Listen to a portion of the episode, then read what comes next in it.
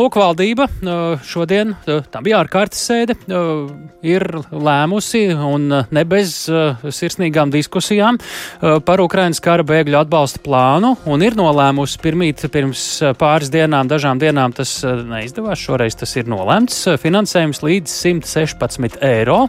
Kopējais tūdaļ arī precizēsim, par ko ir runa. Pie mūsu klausulas šobrīd vajadzētu jau būt iekšlietu ministrei Marijai Golubevai. Labdien! Labdien! Šobrīd kāpēc šāds atbalsta plāns jauns, jo līdz šim jau darbojās kaut kāds vairāk vai mazāk plāns Jā. tomēr? Līdz šinējais plāns bija uzrakstīts desmit tūkstošiem cilvēku.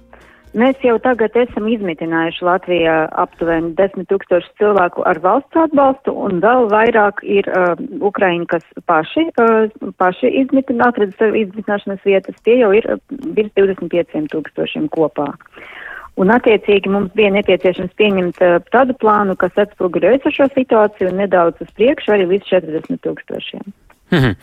uh, vienkārši mainās apjoms un situācija, līdz ar to arī plāns uh, jāpamaina. Par virzieniem, par atbalsta veidiem un principiem, vai arī tie līdz ar to pamainās? Uh, nedaudz uh, pamainās atbalsta veidi. Tagad, uh, tā teikt, uh, smaguma centrs ir uh, izmitināšana dzīvokļos, nevis vairs uh, turismu mitnēs, uh, jo, protams, ir uh, diezgan, uh, diezgan dārgi un arī nav uh, turismu sezonai tuvojoties, nav arī tik vienkārši izmitināt cilvēkus turismu mitnēs. Uh, tagad pašvaldībām būs sākumā jāizvēlas risinājumi, kas ir saistīti vai no ar īres dzīvokļiem, vai no ar pabalstu Latvijas iedzīvotājiem, kuri piedāvā savu dzīvokli bez atlīdzības Ukrainas uh, civiliedzīvotājiem. Respektīvi, Latvijas iedzīvotāji varēs saņemt uh, pabalstu par to, ka viņi savu uh, dzīvokli vai māju uh, piedāvā uz laiku Ukraiņiem. Respektīvi, uh, kāda ir, kāda ir šie limiti šīm summām, tas daudzus varētu interesēt, tos droši pastāstīt. Um, jā, kas attiec uz īres dzīvokļiem, tie 400 eiro, Un uh, tas var iekļaut arī komunālos maksājumus, ja tas, uh, ja tas nepārsniedz šos griestus. Um, kas attiecas uz uh, pabalstiem, par tiem vēl būs arī jāpieņem atsevišķi likuma grozījumi. Tas būs otrdien, un tad pēc valdības, uh, pēc valdības lēmuma mēs uh, varēsim precīzi tad attiecīgi paziņot par šiem iespējām, un uh, pašvaldībā tad varēs pieteikties tādam pabalstam. Mm -hmm. Šobrīd, eh, kas notiek ar eh, pašvaldībām? Nu, tās ir tās galvenās uh, nama mātes, ja tā var teikt, kas uzņem šos bēgļus un kas strādā ikdienā ar šiem cilvēkiem. Un, nu, te ir bijuši daudz tādi baltu acis skatieni valdības virzienā no pašvaldībām par to, kā tas tiek organizēts, kāds atbalsts tiek sniegts pašvaldībām un to iedzīvotājiem bēgļu uzņemšanā.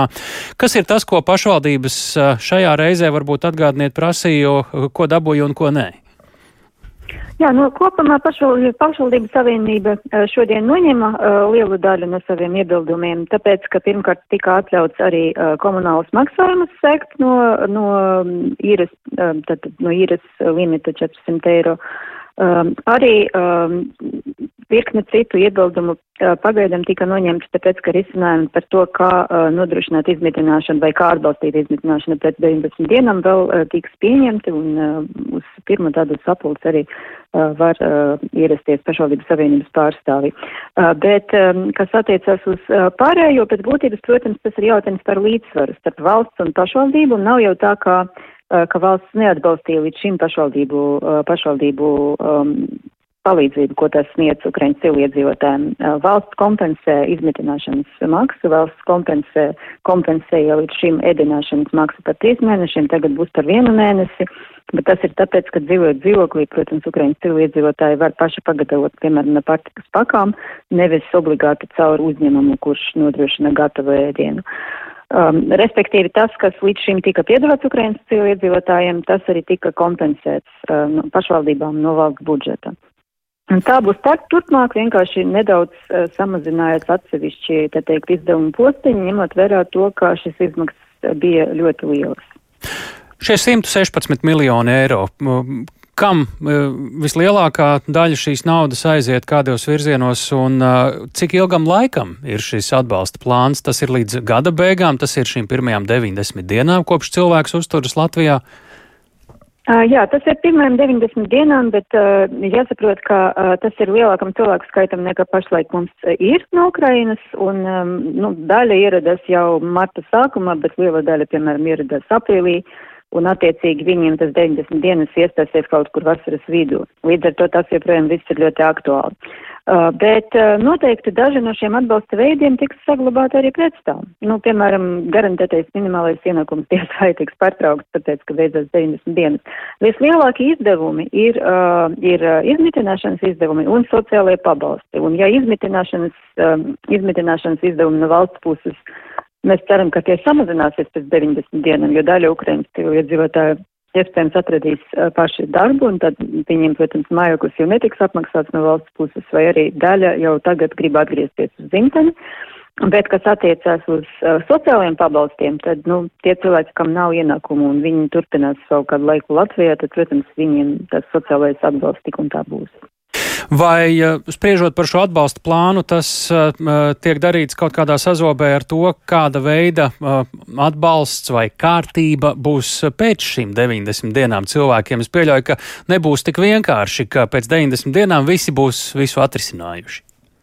Nu, protams, ka visi nebūs visu atrisinājuši, arī ņemot vērā to, ka daudzi negrib īpaši iesakņoties, bet cer atgriezties pēc iespējas ātrāk arī dzimtenē. Uh, Bet nu, ir arī jāsaprot, ka tie, piemēram, kas ir atraduši darbu, mēs, nu, mēs nevarēsim viņiem turpināt kompensēt mājokli, jo nu, Latvijas iedzīvotājiem, kas strādā, mēs, protams, mājokli nekompensējam, ja, ja viņu ienākumi ļauj to sēkt.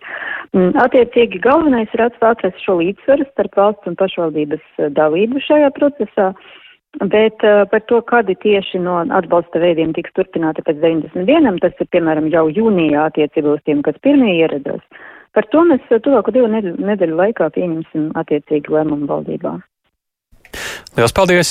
Tā iekšlietu ministre Marija Golubeva programmā pēcpusdiena.